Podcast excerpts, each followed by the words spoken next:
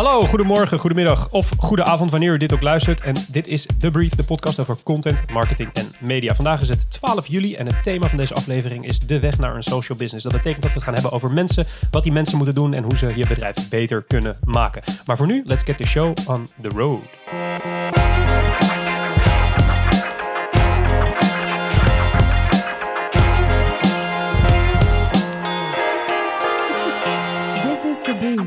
Zijn we weer terug in de studio. Zoals gezegd, we gaan het hebben over mensen. Eh, vooraf moet ik nog even melden dat eh, onze aflevering speciaal door onze audio wizard Kevin eh, is geoptimaliseerd voor het luisteren in de au- auto. Want we kregen wat feedback van sommige autoluisteraars. die zeiden: Het klinkt een beetje dof, het klinkt een beetje onduidelijk. Ik moet hem hard zetten als iemand echt goed te verstaan. En ik wil het heel graag goed verstaan, want jullie zijn zo leuk. Nou, daar heeft Kevin heeft daar iets op verzonnen. Wat veel te ingewikkeld was voor mij om te begrijpen.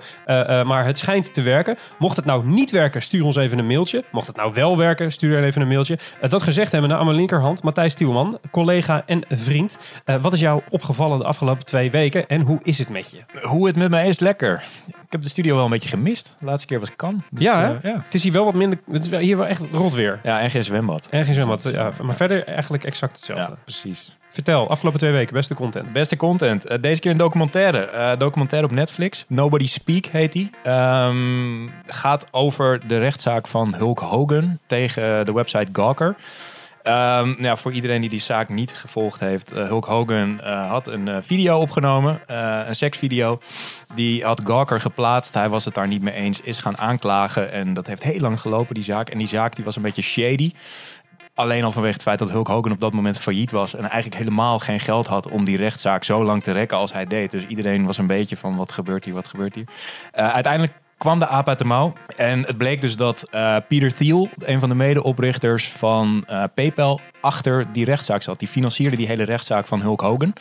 Eh, omdat bleek later Gawker negen jaar voor die, die, voor, die, voor die rechtszaak van Hulk Hogan uit mijn hoofd uit de kast had gehaald. Die hadden al geschreven dat hij gay was. En eh, ja, hij vond het niet cool eh, dat dat gebeurd Maar was. eh, hij, hij was wel oké, begreep ik. ja, dat is waar. Maar hij was het gewoon niet helemaal eens met het feit dat dat via zo'n website moest. Snap ik. En ehm, ja, hij heeft een persoonlijke vendetta tegen Gawker gehad. En is dus, ja, heeft die zaak van Hulk Hogan aangegrepen om, ja, om ze kapot te maken. En dat is gelukt.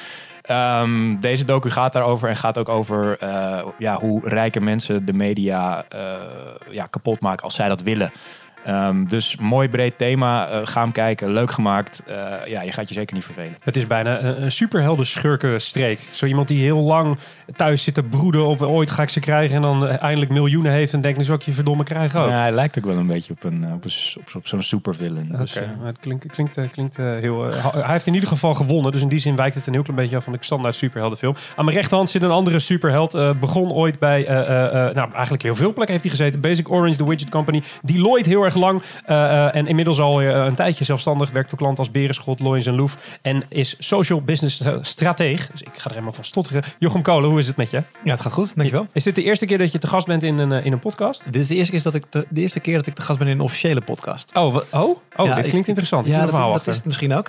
Ik mocht te gast zijn bij Fast Moving Targets. Voor de mensen die dat niet kennen, elke dinsdagavond interviewen Roeland Stekelenburg en Erwin Blom de eh, voorlopers in de digitale wereld. Fantastisch. Eh, meestal uitgezonden op eh, eh, Facebook, YouTube en alle andere online kanalen. Maar ook terug te beluisteren als podcast. Dus daar mocht ik, Ah. toen ik vier jaar geleden voor mezelf begon te gast zijn. En dat is ook als podcast uitgezonden. Kijk eens. En hoe, hoe was je ervaring toen? Had je, dat is lang, lange tijd geleden. Goed, ja, maar daar stond dus ook een camera op en dat is dan toch weer anders. Dus dit is de eerste officiële podcast. Ah, kijk eens aan. Ben je, ben je een beetje zenuwachtig? Nou, toch wel een klein beetje. Klein beetje. Ja, Oké, hoe, hoe kunnen we je daarvan afhelpen? nou, gewoon lekker beginnen. Kijk eens, gaan we dat doen. Gaan we nu naar het nieuws. Zijn we weer terug en dat betekent dat we het over, eh, over het nieuws gaan hebben. De drie belangrijkste dingen die er volgens ons de afgelopen twee weken zijn gebeurd. Matthijs, vertel. Ik kwam een filmpje tegen waar ik heel blij van werd. Ehm, mijn favoriete regisseur, of een van de, eh, Michel Gondry. Eh, je kent hem misschien wel van eh, Eternal Sunshine of The Spotless Mind. Mooie film met Jim Carrey. En mijn persoonlijke, nou ja, misschien wel favoriete film ever, The Science of Sleep. Die had een nieuw filmpje gelanceerd. dus dat kwam ik tegen en ik klikte meteen en ging er meteen naar zitten kijken. Het filmpje heet Detour of Détour, want het is volledig Frans. Ehm toch nog wat geleerd in kan, hè? Ja, heel goed, heel goed. Eh, het filmpje duurt 10 minuten. En eh, ja, het vertelt een, een heel schattig verhaal van een, een driewieler fietsje wat zijn bazinnetje kwijtraakt onderweg naar vakantie. En dat fietsje gaat op zoek naar dat meisje van wie, eh, van wie dat fietsje was. En ehm, ja, dat wordt verteld op de, de kenmerkende manier van Gondry. Dus heel absurdistisch en leuk. En ja, het- je wordt er gewoon blij van en ga het checken. Eh, in mijn enthousiasme eh, had ik alleen volledig gemist dat dit gewoon een, een commercial van Apple was. Het hele filmpje blijkt namelijk geschoten te zijn op een iPhone. Ehm, wat een heel mooi voorbeeld is dat er echt wel mooie dingen gemaakt kunnen worden met een iPhone. En dat het niet altijd onderbelichte dingen zijn. Iets te dicht bij de speaker en rare festivalgeluiden die je ergens hoort. Zijn je eigen Ehm, filmpjes waar je nu op Uh, hè? sort of. ja, ja. Ehm, nee, dus het is van Apple. Het is gewoon geschoten op een iPhone. Heel tof. Eh, dan zie je wat je dus uit zo'n apparaat kan halen. En wat iedereen gewoon in zijn broekzak heeft zitten. En ehm, ja, daarnaast staan dus op de website van Apple UK is het overigens eh, tips waarin eh, Michel Gondry uitlegt hoe hij deze film gemaakt heeft en wat zijn tips zijn voor filmmakers die ook een iPhone hebben. Wat cool. Ja, Betekent dit ook dat we meneer Gondry dan terug gaan zien eh, tijdens die, die Apple Colleges, eh, dingen die ze nu doen in de winkels? Ja, klopt. Hij is in een aantal winkels. Eh, volgens mij had ik gezien in Parijs en in Londen en wellicht ook nog in Amsterdam. Eh, check de website van Apple en dan ga je het zeker, eh, zeker vinden. Kijk eens, vet. Heb je, heb je het filmpje gezien, eh, Jeroen? Ja, ja, ik heb het gezien. Wat vond je Eh, ervan? leuk, leuk. Ehm, ja, ik, ik, ik, eh, eh, het, is, het is een beetje wat Matthijs zegt. Hè? Dus eh, je geeft iemand die heel erg goed is in film maken een, een best wel goede camera, namelijk een iPhone 7 Plus. En die maakt dan daarmee een hele mooie video. En dan denk ik van ja, dat snap ik wel. Want iemand is heel goed in film maken en krijgt een hele goede camera.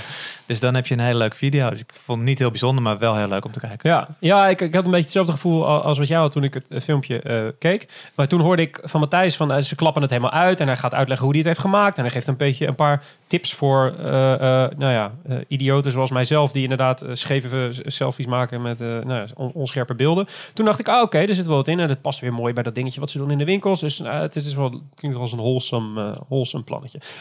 Mocht u nou benieuwd zijn naar hoe dit filmpje eruit ziet, klik dan eventjes op het linkje in de beschrijving van deze aflevering, want we zetten alles in de show notes zoals u weet. Hey, eh, eh, na, na dit hele sexy eerste eh nieuws eh, onderwerp hebben we je het nieuwsoverzicht eh, zicht ingelokt en nu gaan we het hebben over iets wat drogere stof, want we gaan het hebben over de GDPR. Matthijs, weet je wat het is? Volgens mij staat dat voor General Data Protection Regulation. Ja, of volgens, en volgens mij eh, lees je dat gewoon op vanaf het eh, notitieboekje eh, eh, links naast je microfoon. Want eh, eh, hier, voordat we het hierover gingen hebben, eh, hadden wij allemaal eh, niet zo heel erg veel idee van wat dit nou precies is. Nou, wat is de General Data Protection Regulation? Dat is een Europese eh, regulatie, een wet. En die gaat volgend jaar in mei, meen ik, gaat die in. En die gaat de Nederlandse wet bescherming persoonsgegevens eh, vervangen. Dus dat is een, een, een brede eh, Europese wet die, die draait om privacybescherming. En dan met name op het internet. Wat zit daar dan allemaal in? Nou, onder andere het recht om vergeten te worden. Daar heeft u misschien wel eens een keertje van gehoord. Dat is de, de wet die jou eh, als gebruiker zijnde eh, ja, het recht gunt om tegen Google te zeggen... luister, dit ene zoekresultaat, eh, dat wil ik niet erop hebben. En dan halen ze het eraf. Maar ook wat, wat iets nieuws is, volgens mij... is een meldplicht voor bedrijven bij een data breach. Dus op het moment dat straks, als deze wet is ingegaan... een bedrijf een datalek heeft en de, de gegevens liggen op straat... dan heeft een bedrijf de plicht om het binnen een aantal gezette dagen te melden aan hun gebruikers. Eh, en ook nog een andere opvallende regel in deze hele brede regulatie, want er, zit veel meer in. Maar iets anders wat opviel eh, was dat iedere organisatie die meer dan 5000 data subjects, zoals ze het noemen, dus 500 data eh, ja, objecten, dus personen verzamelt, die moet officieel een data protection officer aanstellen. Dus die moet iemand in dienst nemen die die data allemaal gaat beschermen. Een soort superheld dus. Doet men dat niet, dan krijgt men een boete van, daar komt die, 20 miljoen of eh, eh, 4% van je jaaromzet. Mag je, mag je, mag je, je mag niet kiezen, maar het is in ieder geval eh, ziek veel geld. Eh, ehm, het is dus iets wat heel veel impact kan hebben op de, op de sector. Het is iets wat heel ingewikkeld is. Weet je, wij, zijn, eh, wij runnen een, een simpel, klein, bescheiden, edoch zeer prachtig content marketingbureau. En voor ons ging het op, op sommige vlakken de pet te boven. Het was echt een ingewikkeld verhaal. Het kan dus een hele grote impact hebben. Nu heeft een, ik meen een, een Iers eh, ehm, advocatenkantoor, die heeft een interview of een, een onderzoek gedaan onder 187 eh, eh, marketing en advertising firms. Om te kijken hoe erg dit nou speelt. Hè? Die, wet die volgend jaar ingaat. Eh, ehm, en daar kwamen wat bijzondere dingen uit. Want over zo'n data breach gesproken... gaf eigenlijk eh 70% van de bedrijven, ondervraagde bedrijven toe... dat ze eigenlijk stiekem niet eens wisten... of ze het wel door zouden hebben op het moment dat er een data breach was. Wat best wel een probleem is op het moment dat je een meldplicht hebt. Want als je niet weet dat iets gebeurt... dan kan je mensen ook niet melden dat het gebeurd is natuurlijk. En, en 37% had zoiets van, nou ja...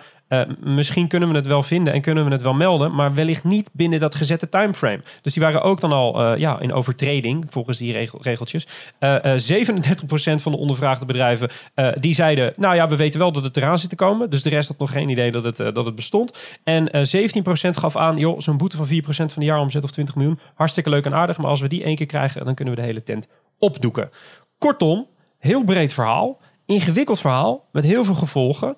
Matthijs, ik ruik dat jij hier een mening over hebt. Of in ieder geval, Nou ja, het is natuurlijk schrikbarend hoe weinig bedrijven daar echt al mee bezig zijn. En het, het is een beetje, het is zo complex dat heel veel mensen denk ik hebben van, eh, ik ga er maar verder niet mee bezig zijn, dan gaat het vanzelf alweer weg. Maar ja, weet je, het is, het is 100% noodzaak. Ik denk ook dat het een goed ding is dat die wet er komt, maar het heeft zoveel impact op bedrijven en ja, die onderschatting is echt wel eng. Weet je, het is eh, wat, wat ik erover las is dat er bij heel veel bedrijven gaan mensen naar elkaar zitten kijken. Legal kijkt naar marketing, want die verzamelen de data. Eh, marketing kijkt naar eh, IT, want die moeten de boel beveiligen. En IT kijkt weer naar legal, want die moeten voorschrijven hoe het eruit moet zien. En ondertussen gebeurt er niks. Dus dit is denk ik wel iets wat, wat ja, echt op CEO-niveau gewoon besproken moet worden. En gewoon, ja, ik denk dat je een taskforce moet gaan, gaan oprichten die deze shit gaat regelen voor, Ja. voor je bedrijf. Ja, het klinkt, het, klinkt, eh, ja, het klinkt als iets wat bijna ook niet. eh, eh, het deed me een beetje denken aan die eh, ehm, advertising-wetgeving die we een paar afleveringen geleden bespraken. Over die, die, die het, het adverteren via YouTube wellicht aan banden ging leggen. En Ja. dan hadden ze het met name over influencers. Dat is ook zo'n brede regulering waarvan je denkt: hoe, ja, op papier klinkt het echt fantastisch, maar hoe, hoe ga je het controleren en werkbaar maken? Jochem, had jij gehoord van de GDPR? Ja, ik heb eh, eh, vorige week een eh, webinar gevolgd van Spot on Vision, een eh, B2B marketingbureau uit de regio Amsterdam. Zij hebben samen met Kennedy van der Laan, advocaatkantoor hier in Amsterdam, hebben zij een podcast georganiseerd over dit onderwerp. Sorry, ik zeg een podcast, maar een webinar. Webinar. Je zit er al helemaal in. Ja, ja, het gaat lekker. Die zenuwen die zijn wel, heb ik achter me gelaten. Nee, drie kwartier van je leven investeren om dat eventjes te bekijken, zou ik zeker doen. Ehm, daar wordt veel meer uitgelegd over, over wat het nu precies, eh, precies is. Eh, waar ik altijd nieuwsgierig naar ben, is wie gaat dit controleren? Dus dat was ook de vraag die ik stelde tijdens het webinar. Nou, dat is de eh, autoriteit persoonsgegevens. Als je dat even intikt op LinkedIn, dan vind je ongeveer 200, 300 mensen die dat moeten gaan controleren. Ehm, ben heel benieuwd. Ik, ik zit nog wel met de cookie-wetgeving in mijn achterhoofd. Dat ik denk van ja, dat was ook allemaal een dingetje waar we iets mee moesten. Ja. Dat hebben Ja. de meeste mensen volgens mij niet gedaan. En de mensen die het gedaan hebben, ik weet niet of die mensen gecontroleerd zijn. Dus het is, het- ik denk dat het goed is hè, dat, dit, dat dit gebeurt. Ehm, het is een kans ook intern, denk ik, om meer met elkaar samen te gaan werken over afdelingen heen. Maar het is wel ook heel belangrijk om te kijken van eh, wat zijn dan echt de gevolgen ervan voor mijn organisatie. En ja, wordt het eh, gecontroleerd? Ja. ja, 200 man, dat lijkt me redelijk. eh, nou, die krijgen een druk in ieder geval. Ja, misschien gaan ze nog werven. Dat, ja, misschien is het wel een hele boost voor de werkgelegenheid. Dat, eh, Ik had nog wel één leuk positief punt trouwens. Dat bedrijven moeten nu namelijk in kaart gaan brengen wat voor data ze allemaal verzamelen. En dan weten ze dus ook eindelijk wat voor data ze allemaal verzamelen. Dus die kunnen ze dan ook gaan gebruiken voor andere dingen. Dat Dat, is- dat, is- dat is ook de tip die in, die, in eh, dat, we, dat eh, webinar werd gegeven. Begin daarmee. Ga door je database heen. Kijk wat er, eh, wat er, wat er is. Ik had even niet scherp dat je vanaf 5000 of vanaf 50.000. eh, vij- 5000 data subjects. ja, dat, een datasubject is dus echt een e-mailadres. Dat is een Ja, datasubject. een perso een perso eh, tussen haakjes stond er personen. Ja, maar dat is dus ook al een mailadres. En als jij ook. 5000 naar 5000 mensen mailt, eh, dan heb jij dus eh, 5000 Ja. Dus bijna iedereen moet zo'n officer gaan aannemen. Dus ja, voor de werkgelegenheid is het inderdaad eh, best een aardig. Ja. Ik denk dat de gemiddelde webshop al zo'n database heeft die gewoon vanaf een zolderkamertje gerund wordt. Dus dat wordt leuk. Ja, nou, terwijl ik, ik weet je, de, de wetgever, weet je, de, de, degene die de wet heeft ontworpen, vanuit die gedachte, als je, als je stel dat je niet weet hoe, hoe dit allemaal exact werkt, weet je, hoe, hoe het in de markt gaat, dan vind ik de hele gedachte van, ja, maar wacht even, als je als webshop meer dan 5000 gegevens bewaakt, ben je wel verantwoordelijk voor de beveiliging. Dus daar Ja. moeten we wetgeving voor ontwikkelen om te zorgen dat jij dat ook daadwerkelijk gaat doen. Kijk, dat het in de pra- praktijk ja, bijna schier onmogelijk is om dit eh, dan wel door te voeren, dan wel te controleren. Ja, dat, dat, dat, dat is een, een tweede ding. Maar ik snap wel dat wetgevers zoiets hebben van ja, we, we, we moeten hier iets mee. Zeker als je hoort dat er gewoon eh, aan de lopende band, eh, wat was het, Yahoo of iets dergelijks, die, die, die kwam er laatst achter, of maakte laatst bekend dat er vier jaar geleden wat persoonsgegevens op straat lagen. Ja, Ja. als je dat continu hoort en je weet wat er allemaal met die data kan gebeuren of, of wordt gedaan, dan, nou, dan, dan snap ik dat er enige noodzaak gevoeld wordt. Maar ik, ja, wellicht is het dan makkelijker als de sector zelf inderdaad op C-level eens een keertje om tafel gaat zitten en gaat zeggen, jongens, hoe gaan we dit collectief nou eh, eh, eens aanpakken? Eh, dat gezegd hebbende, dit was natuurlijk een hele lang- belangrijke hoofdzaak in onze branche. We gaan het nu hebben over de belangrijkste bijzaak in het leven, Matthijs, volgens mij. Ja, voetbalclubs. Mooi. Ja, toch? Dus dat is weer een beetje luchtig ingekleed. Ehm, nee, voetbalclubs. Eh, we hadden een interessant artikel, kwam ik tegen op, op DigiDay. Ehm, ja, voetbalclubs die beginnen zich steeds meer te realiseren dat ze veel meer zijn dan een vereniging mannen die achter een bal aanrent. Eh, en af en toe nog wat shirtjes verkopen. Het zijn namelijk ook gewoon mediabedrijven. Zij ehm, ja, verzamelen natuurlijk een enorme berg aan eh, content. Eh, ze hebben interviews met spelers, ze hebben wedstrijden, ze hebben mooie doelpunten, trainingen, noem maar op. En ja, ze beginnen meer en meer in te zien dat dat ook geld waard is. Dus ze beginnen zich steeds meer te gedragen als een mediabedrijf die die content ja, gewoon in gaat zetten om geld te verdienen. En om een eh, ja, nieuwe inkomensstroom te genereren. Een mooi voorbeeld daarvan is Manchester United. Die lanceerde in 2011 hun me, ja, menu, MU, eh, MU TV-app. Ehm, ja, via die app kunnen, eh, kunnen hun fans eh, ja, direct content bekijken die met Manchester United te maken heeft. Video's, behind the scenes, eh, in de kleedkamer. eh, wat je allemaal maar wil zien, kan je gewoon zien via die app. Dus op die manier is Manchester United heel mooi eh, zijn publiek ja, veel beter gaan bedienen en, en gaan bereiken. En aan zich gaan binden. Dit gaat wereldwijd. Ze zijn nu op tournee in Los Angeles, geloof ik. Of in Ja, ieder geval in Amerika. En daar wordt die app ook heel bewust gepusht naar, ehm, ja, naar de fans die daar komen kijken. Dus ze zijn echt bezig om dat publiek te laten groeien. Ehm, ja, daarin kan je ook een betaalde vorm nemen om nog meer content over je voetbalclub eh, te gaan bekijken. Dus dat is hartstikke mooi. Eh, Real Madrid is ook heel goed bezig wat dat betreft. Die zijn een samenwerking aangegaan met Microsoft, ehm, een CRM. Dus die zijn echt gaan kijken naar wie zijn onze fans nu, uh, wat doen die mensen, wat interesseert ze. Dus die zijn echt ja, persona's gaan creëren binnen hun fans. En uh, die hebben ze bereikt uh, ja, via Facebook onder andere. En uh, door die inzet van deze kennis hebben ze hun aardsrivaal Barcelona verslagen. Want zij zijn nu de grootste club op Facebook. Dus ja, die Classico hebben ze in de pocket. ik ben benieuwd wat Barcelona gaat doen om ja, terug te slaan. Want dat kunnen die natuurlijk niet over hun, over hun kant laten gaan. En ja, voor de kleinere clubs die gaan het op, op voetbalrechten en dat soort inkomsten gaan ze het niet winnen van uh, de Real Madrid's, Bayern Münchens en Barcelona's van deze wereld. Maar ja, voor de kleinere clubs in Nederland uh, is dit denk ik ook een kans. Je hebt een hele trouwe groep fans uh, die bereid zijn om te betalen voor exclusieve content. En daarmee kunnen ze het gat ja, met de grote jongens misschien wel gaan dichten. Ja, ik, ben, ik vraag me wel altijd af met dit soort dingen. Is het, kijk, Manchester United is letterlijk de grootste club van de wereld qua fans volgens mij. Die, als je in China is het gewoon een van de populairste clubs. Uh, op zo'n schaal uh, wordt zoiets natuurlijk rendabel. En dan kan je de middelen ontwikkelen om het allemaal professioneel eruit te laten zien en aantrekkelijk genoeg te maken voor mensen om er daadwerkelijk voor te laten betalen. Ik kan me voorstellen dat als jij Telstar bent, dan heb je misschien wel heel veel hardcore fans die ergens voor willen betalen. Ja. Uh, maar dan moet je nog wel de middelen hebben om die eerste start te maken. Om dingen te gaan maken waar mensen voor willen betalen. En ik denk dat het daar misschien nog een heel klein beetje uh, strook. Bijvoorbeeld een, neem een Ajax TV die echt al van uh, de, de, media die Ajax uitzendt. Dat is best wel, dat is best wel hoge kwaliteit. Ja. Ik ben alleen wel benieuwd hoeveel mensen er echt hardcore achter die paywall, uh, paywall zitten. Of dat, een,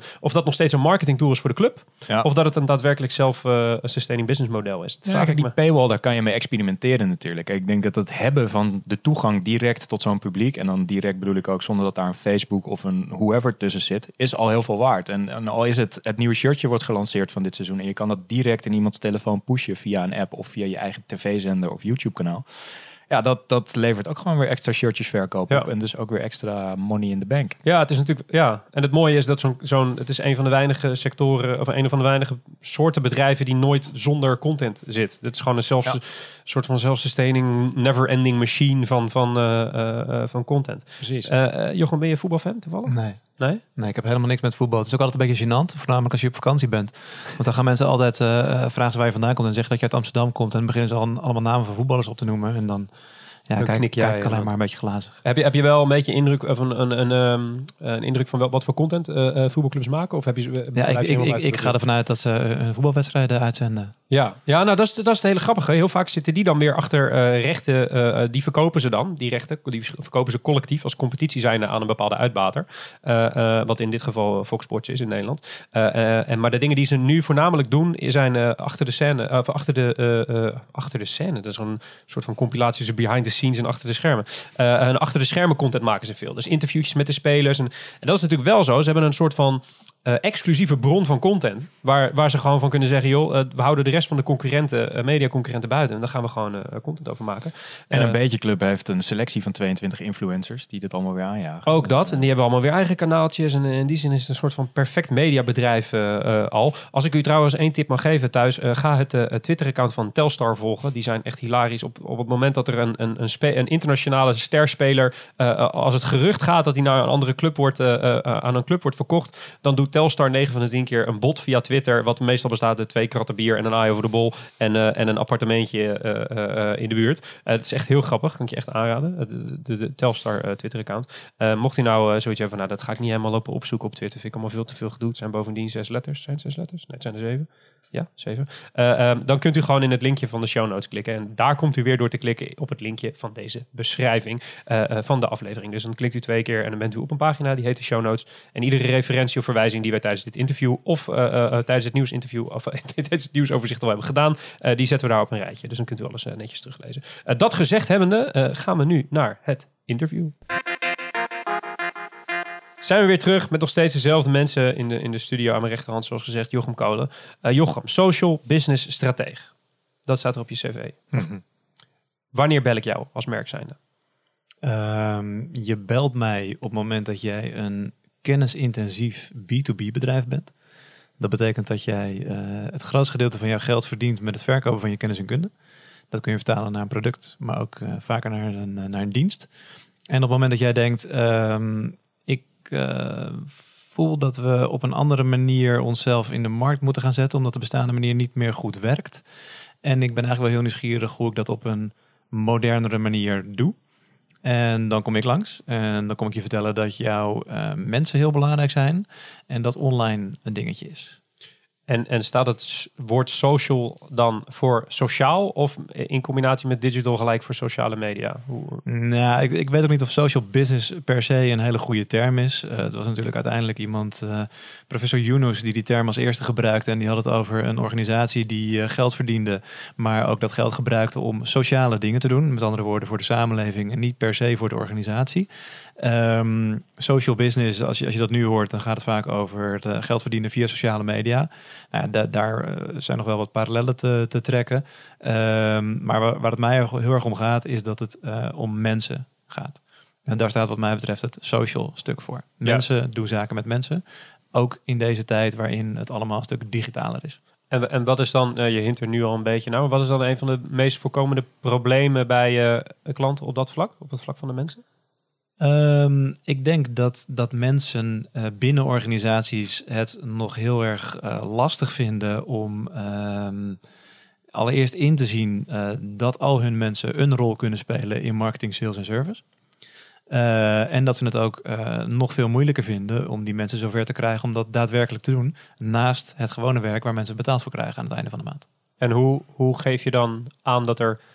Ik kan me voorstellen namelijk dat, dat eh, de mensen hoger op de chain. Dit is iets nieuws wat je ze eh, wijs wil maken. Je wil Ja. ze iets extra's laten doen en je zegt het al naast hun gewone werk. Terwijl het volgens mij in jouw visie is het hun gewone werk. Om Het is, het is een gewone werk. Maar ik denk dat je, kijk, eh, kom je binnen in een startende organisatie waar nog helemaal niks gebeurt, dan zou ik zeggen, ga meteen op deze nieuwe manier werken. Ik geloof namelijk dat dit de manier is om marktaandeel te verkrijgen en marktaandeel te behouden. Ehm, maar je komt vaak binnen in een organisatie waar nog van allerlei eh, eh, legacy zaken spelen. Eh, dus zoals Steven van Bellegem en Peter Hinsen het noemen, yesterday shit. Dus mensen zijn gewoon bezig met dingen die helemaal niks meer opleveren. Maar ja, omdat het niet doorgemeten wordt, merk je ook niet dat het niks meer oplevert. Dus die dingen die moeten vaak nog wel gebeuren. En die moet je een beetje uitfaseren om deze nieuwe manier uh, van, van, van marketing toe te gaan passen. En wat mij betreft ga je dus echt van offline naar online. Van niet meetbaar naar heel goed meetbaar. Of in ieder geval vrij goed meetbaar. En van onpersoonlijk naar heel persoonlijk. En, en is dan de, want je zei net zelf al, mijn klanten zijn voornamelijk B2B, uh, kennisintensieve B2B uh, uh, partijen. Is die, die aanpak die jij hanteert, is, is dat bij uitslu uitsluitsel iets wat past bij die B2B hoek? Ja. En niet bij de B2C hoek? Ehm, kijk, ik denk dat een, eh, een B2C-bedrijf, en er zijn ook B2B-bedrijven trouwens hoor, die zo eh, eh, werken. Maar in, in veel B2C-bedrijven moet er gewoon heel veel verkocht worden. Dus het voorbeeld dat ik zelf vaak gebruik is gewoon Coca-Cola. Die moeten een x aantal blikjes en flesjes per dag verschuiven. Nou, jullie hadden vorige, de vorige keer een, een gast van de Ja. Coca-Cola hier in de studio zitten. Die daar hele interessante dingen over, over vertelde. Maar mijn aanpak werkt niet goed voor Coca-Cola omdat eh, degene die de cola in een blikje stopt of in het flesje stopt, ja, daar bouw jij geen band mee op. En jij wil gewoon een, een, een koude cola, omdat je dorst hebt en eh, misschien nog even door moet. En eh, diegene die dat gedaan heeft, dat interesseert je niet zo heel veel. Bij een advocaat bijvoorbeeld is dat wezenlijk anders. Die man of vrouw moet jij echt vertrouwen voordat je hem of haar iets van business gunt. Dus dat, dat persoonlijke aspect is veel belangrijker binnen dit soort kennisintensieve B2B bedrijven. Ja, en dan, en dan draait jouw rol dus om het eh, bewust maken van de ho- hogere heren eh, dat hun mensen de, de, de waarde die het bedrijf volgens hen uitschat ook daadwerkelijk zelf gaan uitdragen. Is dat eh, De, de, de, de hogere heren, maar ook de marketingafdeling, die daar ook vaak nog niet van op de hoogte is. En ook de mensen zelf bewust maken van jullie kunnen allemaal een rol spelen in, in marketing. Kijk, ehm, een advocaat die wordt niet aangenomen omdat hij een hele goede marketeer is. Maar hij heeft wel eh, salesdoelstellingen. En daar wordt helemaal niet heel erg hard op eh, gestuurd vaak. Een advocaat moet vooral uren schrijven, cliënten bedienen. En dat gebeurt door, door, uren te schrijven. Het, het vermarkten van diensten en het binnenhalen van, van opdrachten. Dat gebeurt er een beetje naast. Merk je dan ook weerstand tegen, tegen het moeten marketen? Ja. Ja, dus ik zeg ook altijd het niks moet. Als jij niet bij mij eh, in een presentatie wil zitten of een workshop wil bijwonen, dan moet je lekker iets anders gaan doen. Ehm, dus mijn, mijn aanpak is eigenlijk altijd zo dat ik eh, kijk binnen een bedrijf wie willen dit, snappen dit en kunnen dit. Dus ik ga op zoek naar de mensen die zeggen van nou, ik, ik, eh, ik heb hier best wel oren naar. Ik, ik ben wel nieuwsgierig naar deze nieuwe manier van, van marketing. Ehm, ik wil ook wel wat tijd daarin stoppen. En ja, dat kunnen, dat vind ik niet zo heel erg belangrijk. Hè. Dat, dat kan je iemand vrij goed, eh, goed uitleggen. Ehm, dus zoek de mensen die, die het willen, die het snappen. En die ga je vervolgens uitleggen hoe ze het eh, kunnen doen. En, en eh, je, je doet dit al een tijdje. Heb je een soort van gemeenschappelijke, nou, hoe zeg je het, gemeenschappelijke deler tussen die mensen, ja, bijna die stakeholders hè, die jij zoekt om dat plan op, op poten te krijgen? Is er iets wat al die mensen hebben? Ja. Een bepaalde Ja. skillset, bepaalde Nou, skills, mm, mindset misschien? Mindset vooral. Het zijn mensen die eh, eh, het leuk vinden om te praten over datgene wat ze doen. Datgene wat, eh, waar ze een passie voor hebben. Dat kan werk zijn, maar het kan ook iets heel anders zijn. Het zijn ook mensen die bereid zijn om nieuwe dingen te proberen. Het zijn vaak mensen die niet alleen op hun eigen afdeling blijven zitten, maar ook met collega's dingen ondernemen. Ehm, en het zijn ook mensen die snappen dat ze moeten investeren voordat er een bepaald rendement eh, komt. En dat is lang niet iedereen. Maar als je dit soort eh, zaken aantreft bij mensen, dan, dan hebben zij een vrij goede kans om eh, op een gegeven moment een, wat ik noem, een social business champion te worden. Kijk eens, dat is een goede. Heb je die gecoind, die term? Is dit, Het, iedereen mag hem vrij, vrij gebruiken. Nee hoor, nee, nee, nee. Dat leef je uit. En, en, en, en, en nou ja, dan heb je zo'n zo'n champion heb je gevonden. Eh, wat is dan, kan je ons eens meenemen naar de weg die zo iemand bewandelt? Dus Ja. ik weet nog helemaal niks. Ik kom, jij, ik kom jou tegen. Ik, ik zit gewoon heel de dag zit ik mijn ding te doen. En jij opent mijn ogen. Ik, ik ben me ineens bewust van het feit dat ik moet bijdragen aan, eh, aan je plan. Ja. Eh, wat voor stappen doorloop ik dan? Ja, wat ik meestal doe is dat ik mensen eerst het proces achter marketing en sales uitleg. Dus ik probeer een beetje de, de, de magie van de marketing weg te halen. Eh, een vriend van mij heeft een, een bedrijf eh, en eh, zij helpen mensen met, met innovatie. Nou, innovatie is ook zo'n containerbegrip wat, wat, hè, wat een soort magie in zich heeft. Er zijn ook allerlei innovation officers aangesteld. Nou, we hebben natuurlijk allemaal marketing officers aangesteld. Dat is natuurlijk onzin om te bedenken dat die innovation officer of die marketing officer de enige is die kan innoveren of marketing kan doen. Iedereen kan dat doen als je maar weet hoe het proces werkt, welke taken je moet uitvoeren en op welk moment je die taken moet uitvoeren. Dus ik begin altijd bij het uitleggen van, van het marketingproces. En dat betekent eigenlijk dat je mensen bewust maakt van de klantreis. Die begint bij een bewustwordingsfase, waarin een klant zich bewust wordt van een eigen uitdaging. Dit is een eye-opener voor mensen. Oh, wacht even. Iemand moet eerst snappen dat hij een probleem heeft, voordat hij gaat shoppen, voordat hij gaat kijken wie kan dat probleem voor mij oplossen. Dus als jij binnenkomt, zeg ik altijd, met een, met een oplossing bij, bij, een, bij, een, bij een klant, bij een potentiële klant, zegt die klant misschien wel van ja, maar ik heb helemaal geen probleem. Dus iemand moet zich eerst bewust worden van een eigen uitdaging. Dan gaat iemand eh, de overwegingsfase in, waarin hij gaat kijken van eh, wie heeft wat te bieden voor mij. Eh, dan wordt er een beslissing genomen. En dat is wel belangrijk voor, voor B2B-bedrijven om, eh, om te benadrukken. In die beslissingsfase ga jij aan iemand anders je product of dienst proberen te verkopen. Sterker nog, jij gaat jouw contactpersoon helpen om dat product of dienst intern te verkopen. En Binnen B2B-bedrijven heb je vaak een, decision-making unit. Een clubje mensen die samen het besluit nemen of zij met jouw bedrijf in zee gaan, ja of nee.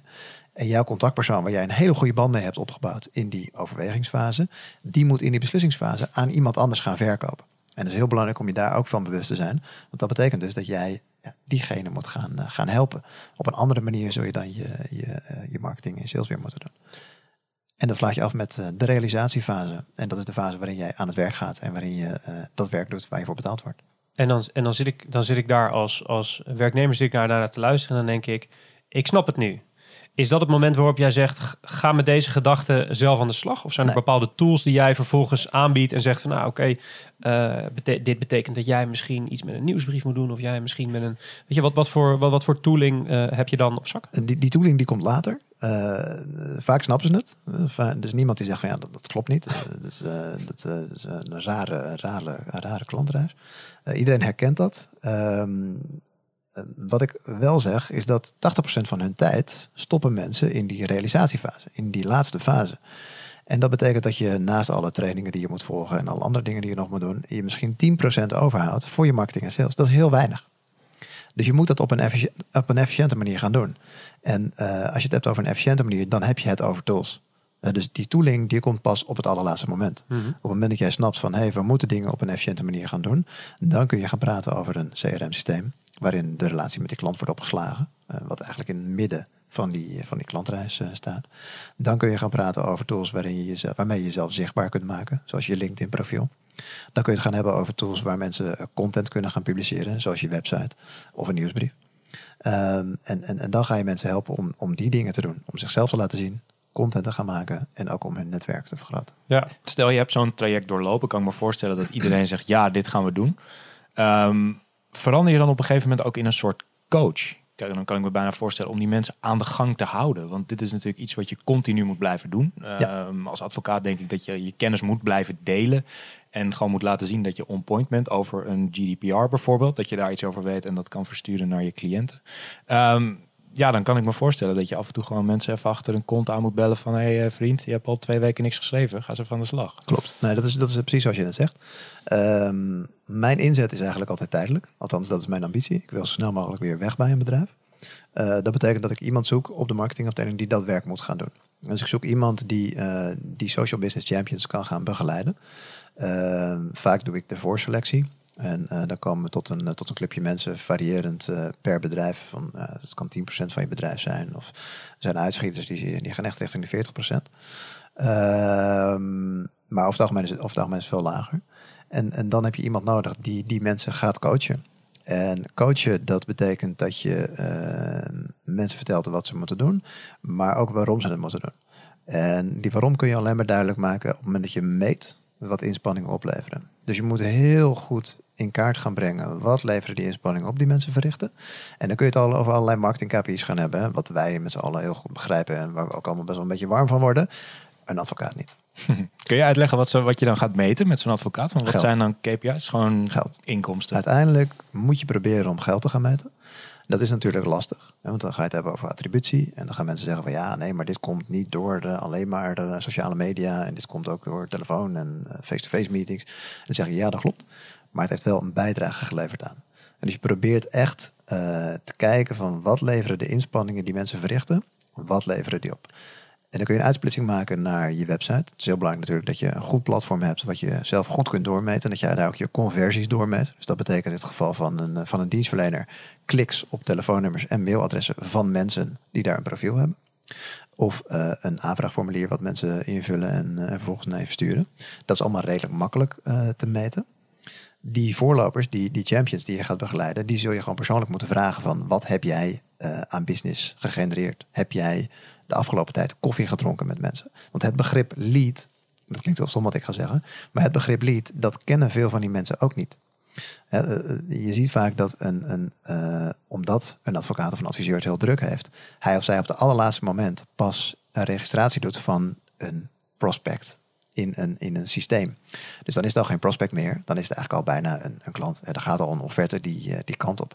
Dus je moet mensen ook echt motiveren om veel eerder te registreren en hen te helpen inzichtelijk te maken. Dat artikel wat je hebt geschreven, dat heeft leads gegenereerd voor jou. Juist, en maar dat betekent dat dat klinkt een beetje voor mij, uh, uh, ze weten niet wat een lead is, klinkt het alsof, alsof eh, komt het allemaal aanwaaien bij die mensen? Of hoe, hoe, Nou, hoe, dat- hoe, dat eh, ze, ze, ze komen, ze, krijgen de aanvragen binnen en dan vanaf dat moment is iemand een klant en gaan we voor ze lopen? Dat, dat is misschien een beetje kort door de bocht, maar daar, daar heb je wel een punt, denk ik. Ja. Ja, ja. ik denk dat, eh, dat veel bedrijven het tot nu toe erg makkelijk eh, hebben gehad. Eh, tegelijkertijd beseffen die bedrijven zich ook dat de wereld is veranderd. En dat klopt natuurlijk. Digitale technologie eh, eh, zorgt er echt wel voor dat bepaalde werkzaamheden niet meer gedaan kunnen worden. Dus je moet je voorstellen, een, een, een advocaat kan uren schrijven voor eigenlijk elk soort werk dat hij of zij doet. Ehm, op het moment dat dat het controleren van een Word-bestand is, ja, dan is dat heel erg zonde om dat door een mens te laten doen. Dat kan een algoritme veel beter, veel sneller en dus veel goedkoper doen. En de markt snapt dat ook. Dus de markt wil niet meer betalen eh, aan advocaten om, om Word-documenten eh, door te gaan eh, zitten kijken op, op foutjes. Tegelijkertijd willen ze uiteraard wel betalen voor de expertise die deze man of vrouw in zijn of haar hoofd heeft. Dus het, is een wezenlijke verandering, denk ik, van, eh, van de markt. En, en door de druk vanuit die markt eh, gaan organisaties nu ook inzien dat zij ook moeten veranderen. En, en is er iets. ah, Stel, ik zit hier, ik, zit hier ik, ben- ik, heb een advocatenkantoor, groot advocatenkantoor. Ik zit hier te luisteren. En ik denk, joh, ik, eh, ik ga die, die kolen die ga ik bellen. Maar ik wil eigenlijk morgen al beginnen.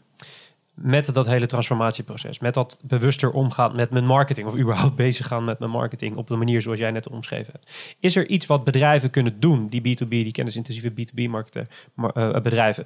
Is er iets wat ze kunnen doen zelfstandig? Een kleine stap, een, kleine ingreep die al impact kan creëren zonder eh, eh, jou te bellen? Daarna Nee, ik gaan ze je bellen ik- natuurlijk. Nee, maar- ze, mogen het, ze mogen het ook zelf eh, doen. Ehm, kijk, ik, ik denk dat... ehm,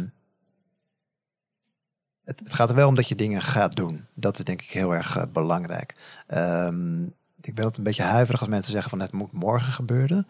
Omdat eh, ja, een paar jaar geleden dacht ik ook dat het morgen kon gebeuren. Snap je wat ik bedoel? Mhm. Ja, dus je, eh, je deed iets en je verwachtte eigenlijk dat het vrij snel eh, een resultaat kon, eh, kon opleveren. Ik heb wel geleerd dat dat niet zo is. Het is echt de weg van de lange adem. Dus je kunt dingen doen en eh, je, kunt, eh, met, je mag mensen ook naar mijn eh, website toesturen waar ik allemaal tipsheets aanbied, zodat mensen hun LinkedIn profiel kunnen optimaliseren, hun netwerk kunnen uitbreiden. Dat, dat, dat kunnen mensen daar gratis downloaden en dan kunnen ze meteen mee, mee aan de slag. Dan hebben mensen hun profiel geoptimaliseerd, dan hebben mensen hun netwerk vergroot. Maar je hebt ze niet verteld waarom ze dat zouden moeten doen. Ja, dus je hebt niet uitgelegd dat het voor een advocaat of voor een adviseur heel belangrijk is om online zichtbaar en vindbaar te zijn, omdat 98% van de B2B-inkopers voor tenminste 25% van hun offline aankopen online onderzoek doet. In het Nederlands betekent dat mensen googelen, ook als ze een advocaat of een adviseur zoeken. En dat merk ik ook bij mijn klanten. Dus via Google komen mensen gewoon op de website van een, van een berenschot terecht, waar ze vervolgens een, een aanvraag doen van ja, kom ons bestuur maar reorganiseren. En hoe, hoe ga je daar dan mee om? Zoals SEO is, is nou ja, waar wij vakidioten eh, eh, nou, veel van weten. Maar hoe ga je dat uitleggen aan een, aan een eh, advocaat of een accountant met wie je werkt? Zeg maar? Zit dat ook in jouw toolkit, zeg maar? Dat er een cursus SEO wordt gegeven? Nee. Of, Nee, nee, ik ga geen SEO-cursus geven. Mensen snappen wel dat, dat de Google heel belangrijk is. En, en het, het, de makkelijkste manier om dat uit te leggen is... jullie googelen zelf toch ook? Vragen aan een clubje mensen. En dan zegt iedereen ja. Vaak zeggen ze dan van wel. Ja, En, de, en, de, en het kleine percentage kon waarschijnlijk de website niet, eh, niet vinden of zo. Ik kan, ik kan me wel voorstellen dat er, eh, eh, je, je noemde net al, eh, ehm, je gaat mensen uitleggen hoe nieuwsbrieven eigenlijk werken. Je gaat uitleggen hoe social media werkt. Hoe een, je hebt een eigen website nodig, zei je net zelf al. Zijn er bepaalde voorwaarden waar een bedrijf aan moet voldoen voordat jij überhaupt aan de slag kan of wil? Ehm, kan niet, wil wel. Een bedrijf moet een best wel een lange adem hebben. Een bedrijf moet wel echt willen veranderen. En ehm, ik denk dat de uitdaging altijd is dat er zijn natuurlijk eh, marketeers die nu eh, zullen luisteren, die zeggen van ja, ik wil veranderen. Ik wil, ik wil die transformatie wil ik, wil ik aangaan. Ik wil dat proces eh, doorlopen en ik wil ehm, eh, op een andere manier mijn marketing gaan inrichten. Maar wat ik doe, dat, is, dat heeft een vrij grote impact op het gehele bedrijf. En dat betekent eigenlijk dat tot in de bestuurskamer moet dit, moet dit gedragen worden. En eh, als je die buy-in niet hebt op dat niveau, ja, dan is het heel lastig om, eh, om te beginnen. Betekent dat dat je op, ook meestal op dat niveau binnenkomt? Nee, niet per se. Nee, het, Hoe, gebeurt, het eh, gebeurt wel eens. En, en gebeurt het dan ook wel eens? Want ik kan me voorstellen, ik, ik, ben, ik kan me helemaal voorstellen hoor. We hebben het hier vaker over, over gehad in deze aflevering ook. Dat er toestemming van helemaal boven op de chain. Dat zorgt ervoor dat het, dat het redelijk goed gaat. Ja. Dan krijg je meestal alleen maar een beetje gezeur van onderop. En nou, dat verhelp je door de steun van bovenaf uit te spreken. Dus begrijp wat ik bedoel. Ja. Eh, ik kan me wel voorstellen als je zegt van ik kom niet altijd op dat niveau binnen.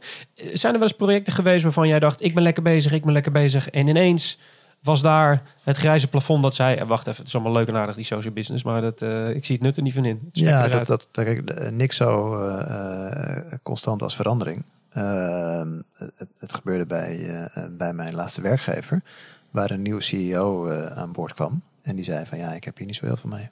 En dan is het gewoon einde verhaal. En wat is, wat is dan jouw laatste... wat, wat, probeer je er nog iets? Of heb je dan zoiets van, nou ja...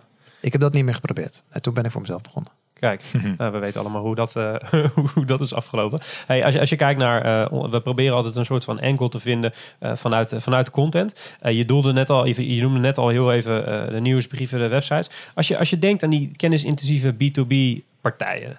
Eh, wij, wij werken voor B2C partijen voornamelijk. Hè. Dan kan je vaak al bedenken wat voor content daar uitrolt. Maar die, die content in die B2B hoek, hè, en voornamelijk met die klanten van jou. Aan wat voor soort content moeten we dan denken? Ja, dit, is echt goud, hè? Ehm, ik bedoel, een, een, een, een, Lois Loef of een, of een Berenschot...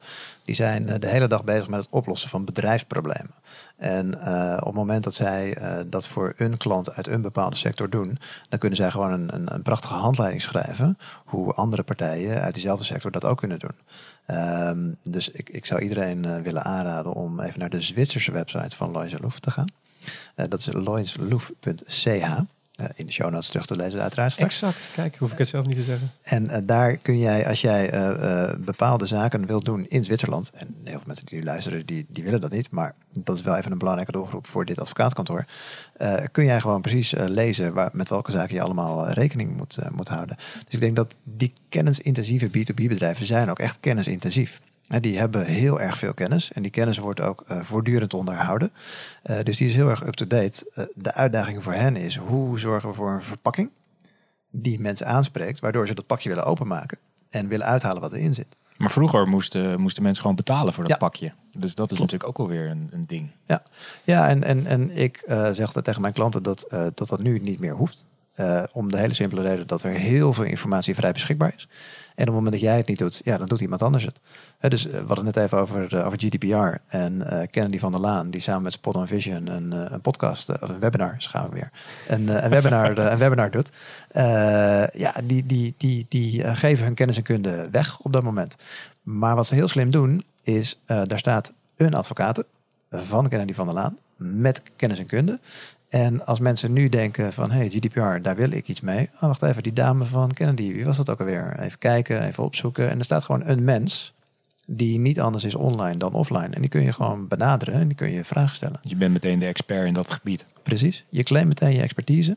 Ehm, en mensen gaan je ook zo, eh, zo zien. Ja, en ik kan me ook voorstellen dat als, als je één keer een concrete lead krijgt uit, eh, uit een van die dingen, dat je, dat je dan je klant al hebt overtuigd. Als, Ja. als diegene die op het podium staat één keer gebeld wordt en met de mededeling, hé, hey, jij stond toch laatst op dat podium, dan, dan is jouw theorie bewezen en dan, eh, dan ben je daar eh, een welkome gast bij de klant. En ik heb mezelf terugverdiend. Ja. Want het gaat om flinke, flinke orders altijd. Ja. Is, is, er, is er, je zei net al van, nou ja, als ik, als ik wegga, dan zorg ik dat er eigenlijk een interne coach is om, om te zorgen dat, het, dat de machine blijft draaien, omdat, omdat het proces eh, een beetje op gang blijft. Ehm, heb jij ook nog iets in je, in, je, in je pakket zitten dat je zelf nog een keer teruggaat om te kijken of het allemaal goed gaat? Ja, ik, eh, wat, ik, eh, wat ik meestal doe is dat ik eh, eh, de, de eh, metingen eh, volg. Dus die blijf ik, dan, eh, blijf ik dan volgen. En dan kom ik periodiek, bijvoorbeeld één keer per kwartaal, kom ik even terug om te kijken van, eh, op basis van, van wat we gemeten hebben in de afgelopen periode, hoe het gaat. eh, waar er verbeterd moet worden en dus vinger aan de pols houden. En eh, is het wel eens, en je hoeft geen namen te noemen, is het wel eens gebeurd dat je een prachtig project hebt afgeleverd, dat je een half jaar later terugkwam, dat het gewoon weer exact hetzelfde was als dat het eh ervoor was? Eh, ja, dat gebeurt. En ik denk dat dat. Kijk, het is, het is geen, het is geen eh, kwade wil. Hè? Integendeel, ik denk dat. ehm, eh, ja, cultuur is iets wat, wat hardnekkig is. Ehm, dus op het moment dat jij de deur uitloopt als extern breekijzer of als externe met tijd, ja, dan ben je weg. En dan kan er niet meer gebroken worden. Dan kan er, is er geen tijd meer om dingen uit te voeren. En dan moet iemand ja, het er gewoon bij doen. En iemand moet echt wel eh, volhardend zijn en eh, eh, af en toe zijn of haar poot stijf houden om ervoor te zorgen dat het ook echt daadwerkelijk door blijft, blijft gaan. Ja, ja. Klinkt, klinkt helder. Eh, Wij, wij, wij kijken altijd heel erg eh, eh, scherp naar hoe voornamelijk zelfstandigen zichzelf in de markt zetten. Ze- Zelfstandige marketeers zijn vaak de meest interessante marketingkanalen om te volgen. Want ja, je, je zit in het vak en doet je eigen marketing. Kan jij eens uitleggen, want jij hebt dat in mijn optiek of in onze optiek redelijk goed voor elkaar. Kun jij eens uitleggen welke kanalen je gebruikt en hoe? Ja, voor mij is een, is een belangrijk kanaal mijn website. Eh, dat, is een, dat is een WordPress eh, website eh, die ik al heel lang heb. Maar die ik vorig jaar echt grondig heb laten, laten herbouwen. Door iemand die er wat meer verstand van heeft dan ik zelf. Ehm, en dat is mijn, mijn platform waar ik elke maand een, een artikel publiceer. Een blogartikel, mijn, mijn mening of soms gewoon een hele praktische tip. Dan neem ik mensen bij de hand en dan, dan leg ik wat dingetjes uit. Dit is ook de website waar je dingen kan downloaden, waar je kunt inschrijven voor mijn nieuwsbrief. Ehm, die verstuur ik ook één keer per, eh, per maand. En eh, wat een heel belangrijk kanaal verder voor mij is, is, eh, is LinkedIn. Dat is een platform wat ik, wat ik gebruik om contacten te onderhouden met mensen waar ik nieuwe contacten leg. Maar het is op dit moment een platform. Betekent niet dat het dat morgen of overmorgen nog is. Ik denk dat het wel heel belangrijk is. Ik zeg altijd, bouw je huis nooit op gehuurde grond. Die website is echt het hart van je strategie. Kijk, daar gaan we in ieder geval geen ruzie, eh, ruzie om krijgen om die theorie. Want die staat volgens mij in, ons, eh, in onze tien geboden, volgens Ja, mij Matthijs. hè? Ik ga volgende week een tatoeage laten zetten, denk ik. Oh, helemaal goed. Ja, Helemaal goed. Ga- Dan, ja, nou, dan zetten we een foto zetten we in, de, in de show notes bij deze, bij deze beloofd. Eh, stel nou dat ik een marketeer ben en ik zeg, nou, oké, website heb ik eigenlijk geen tijd voor. Is er een social kanaal waarvan je zegt, daar moet je op zitten? Is dat dan dat LinkedIn? Of nee, is je het moet dan... tijd maken voor je website. Dus als je zegt, ik heb geen tijd voor een website, maar wel een social kanaal. Dan moet je de tijd die je in social kanaal stopt, in je website stoppen. Juist. En waar begin ik? WordPress? Ja, waarom niet? Eh, ik zou zeggen, eh, koop, een, eh, koop ergens een domeintje en webruimte daarbij. Ga niet een jochemkolen.wordpress.com aanmaken. Maar investeer even een, een paar euro, want meer is het niet, eh, in, een, in een domeinnaam en, eh, en een stukje eh, serverruimte waar je je website kunt, kunt parkeren. Nou, vervolgens doe je die bekende, wat is het, twee minuten WordPress installatie of zo. Je pakt een thema erbij en je zorgt voor wat eh fraaie, rechte, vrije afbeeldingen. Ik probeer ze allemaal zelf te maken, omdat ik fotografie ook leuk vind. Ehm, en ehm, dan ga je gewoon lekker, eh, lekker aan de slag met je, met je site. En hoe, hoe ziet je ehm, jouw specifieke redactionele formule eruit? Want ik kan me voorstellen dat je eh, als marketeer zijnde, nou, dan heb je een website, die staat helemaal klaar, ben klaar om te schrijven, maar waar ga ik het over hebben? Heb jij specifieke onderwerpen waarvan je zegt, nou, ik schrijf hierover en hierover en that's it? Of is het gewoon de interesse van Jochem Kolen, de manier hoe jij Nee. naar alles kijkt? Nee, dat niet. Nee, nee. Ik, ik probeer altijd te schrijven over datgene wat ik, eh, wat ik, waar ik mijn klanten mee help. Dus dat betekent dat het eh, altijd gaat over de online en altijd gaat over, de, over mensen. Het gaat ook altijd over de, eh, zaken. Ja, dus het, het, eh, ehm, ehm, ja, ik, ik probeer echt aan te geven dat, dat content heel belangrijk is. Maar het gaat voornamelijk om relaties bouwen. En voor het bouwen van relaties heb je wel echt iets meer nodig dan alleen een stukje content. Af en toe is het ook gewoon eventjes een aai over iemands bol. Hebben jullie het net over hadden met Telstar. Ja. Eh, maar dat is waanzinnig belangrijk. En eh, dat, dat moet je ook niet, eh, niet vergeten. Dus daar, daar probeer ik over te, over te vertellen. En mijn inspiratie haal ik uit eh, artikelen die ik lees, eh, berichten die ik voorbij zie komen, relletjes die uitbreken op Twitter of op LinkedIn. En eh, dat is dan weer inspiratie voor een, voor een opiniestuk. En af en toe gewoon wat praktische tips. Precies. Als je kijkt naar, we hebben altijd in dit interview een vaste afsluitvraag. Die draait vanzelfsprekend over content.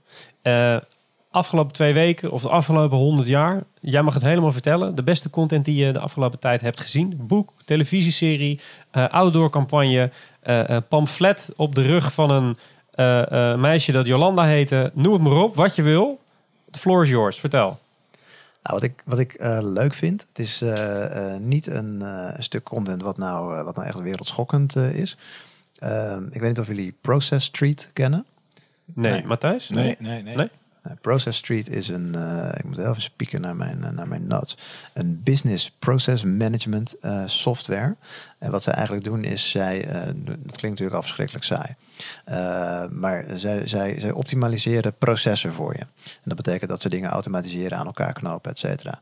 En wat zij doen op hun, op hun blog, het is, een, het een klein bedrijfje in 2014 gestart, er werken een mannetje of tien. Drie van die mensen maken content. Uh, om de drie dagen verschijnt er een nieuw, zeer uitgebreid uh, artikel, zeer praktisch artikel op, uh, hun, op hun blog, op het blog van, van Process Street. En daar kun je dus dingen lezen als ja, hoe organiseren wij onze content marketing workflow. En dan leggen ze dus helemaal uit hoe ziet zo'n workflow eruit, waar moet je rekening mee houden en hoe doe ik het binnen de beperkte tijd die ik daarvoor beschikbaar heb.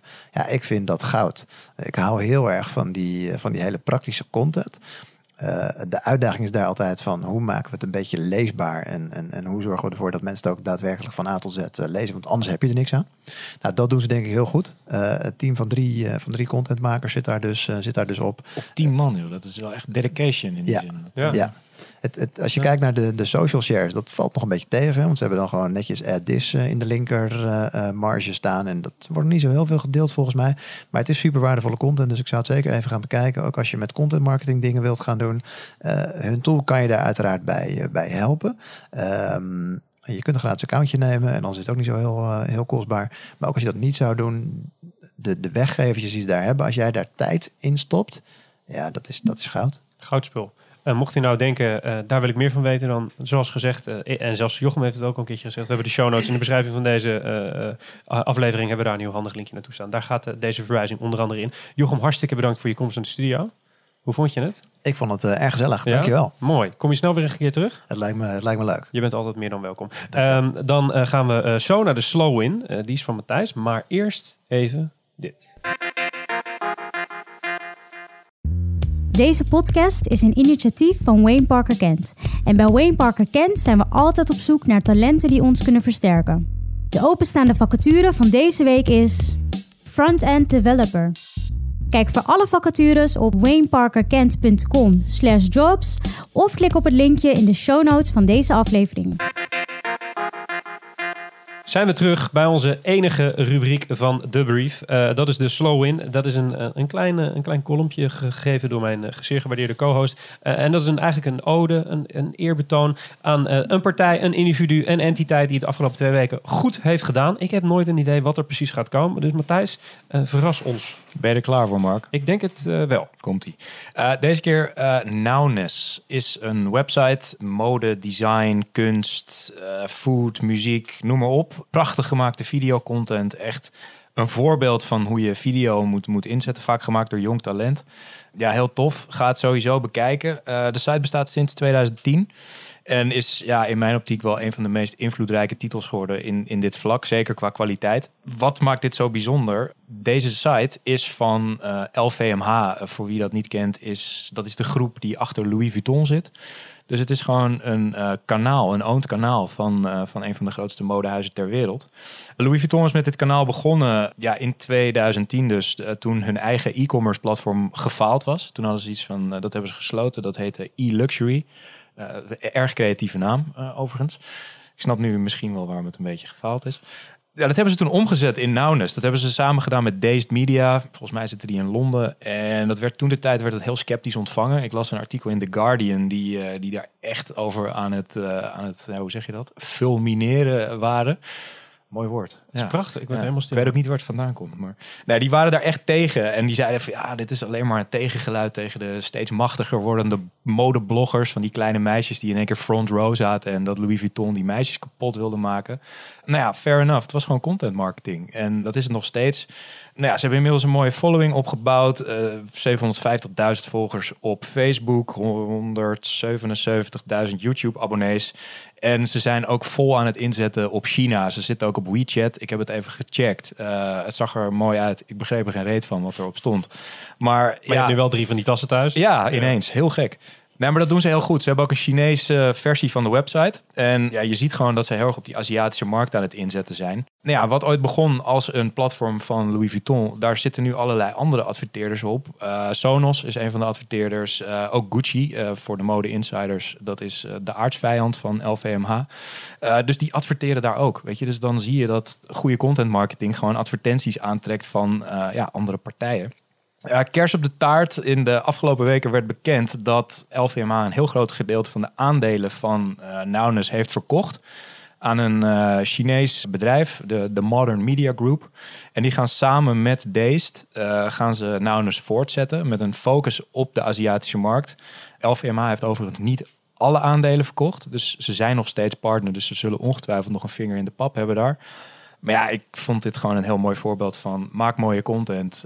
Um, nee, je doelgroep volgt. Ze verdienen geld aan hun grootste concurrent, want die adverteert op hun website. En vervolgens hebben ze zo'n groot publiek opgebouwd dat ze gewoon hun marketinginitiatief kunnen verkopen aan een ander bedrijf. Dat, ja, dat klinkt bijna utopisch. En ze verkopen dus uh, uh, reclameuitingen aan de concurrent. Ja. Dus wie weet zien we straks uh, banners van Feyenoord op Ajax TV. Het zo kan je het zien. Ja. Het zou zo fantastisch zijn. En dat betekent dat we aan het einde zijn gekomen van deze aflevering van The Brief. De podcast over content marketing en media. Deze aflevering, zoals iedere aflevering, wordt gemaakt door de agency. Dat is het content marketingbureau van Wayne Parker Kent. Onze mediapartners zijn Adformatie en BNR. Hartstikke bedankt jongens dat wij weer jullie, nou ja, de andere kant van het media partnership mogen zijn. Productie is zoals iedere aflevering in de handen van de onvolprezen Kevin Eiken. Die heeft geen microfoon maar die gaat wel wat zeggen. Cheers. En de redactie wordt zoals iedere aflevering gedaan door de onvolprezen Jill Roderijs. Hetzelfde verhaal, geen microfoon, gaat wel wat zeggen. Uh, de volgende editie is over twee weken. Uh, wie er te gast is, dat houden we nog eventjes geheim. Mijn naam was Mark Schoones en tot de volgende keer.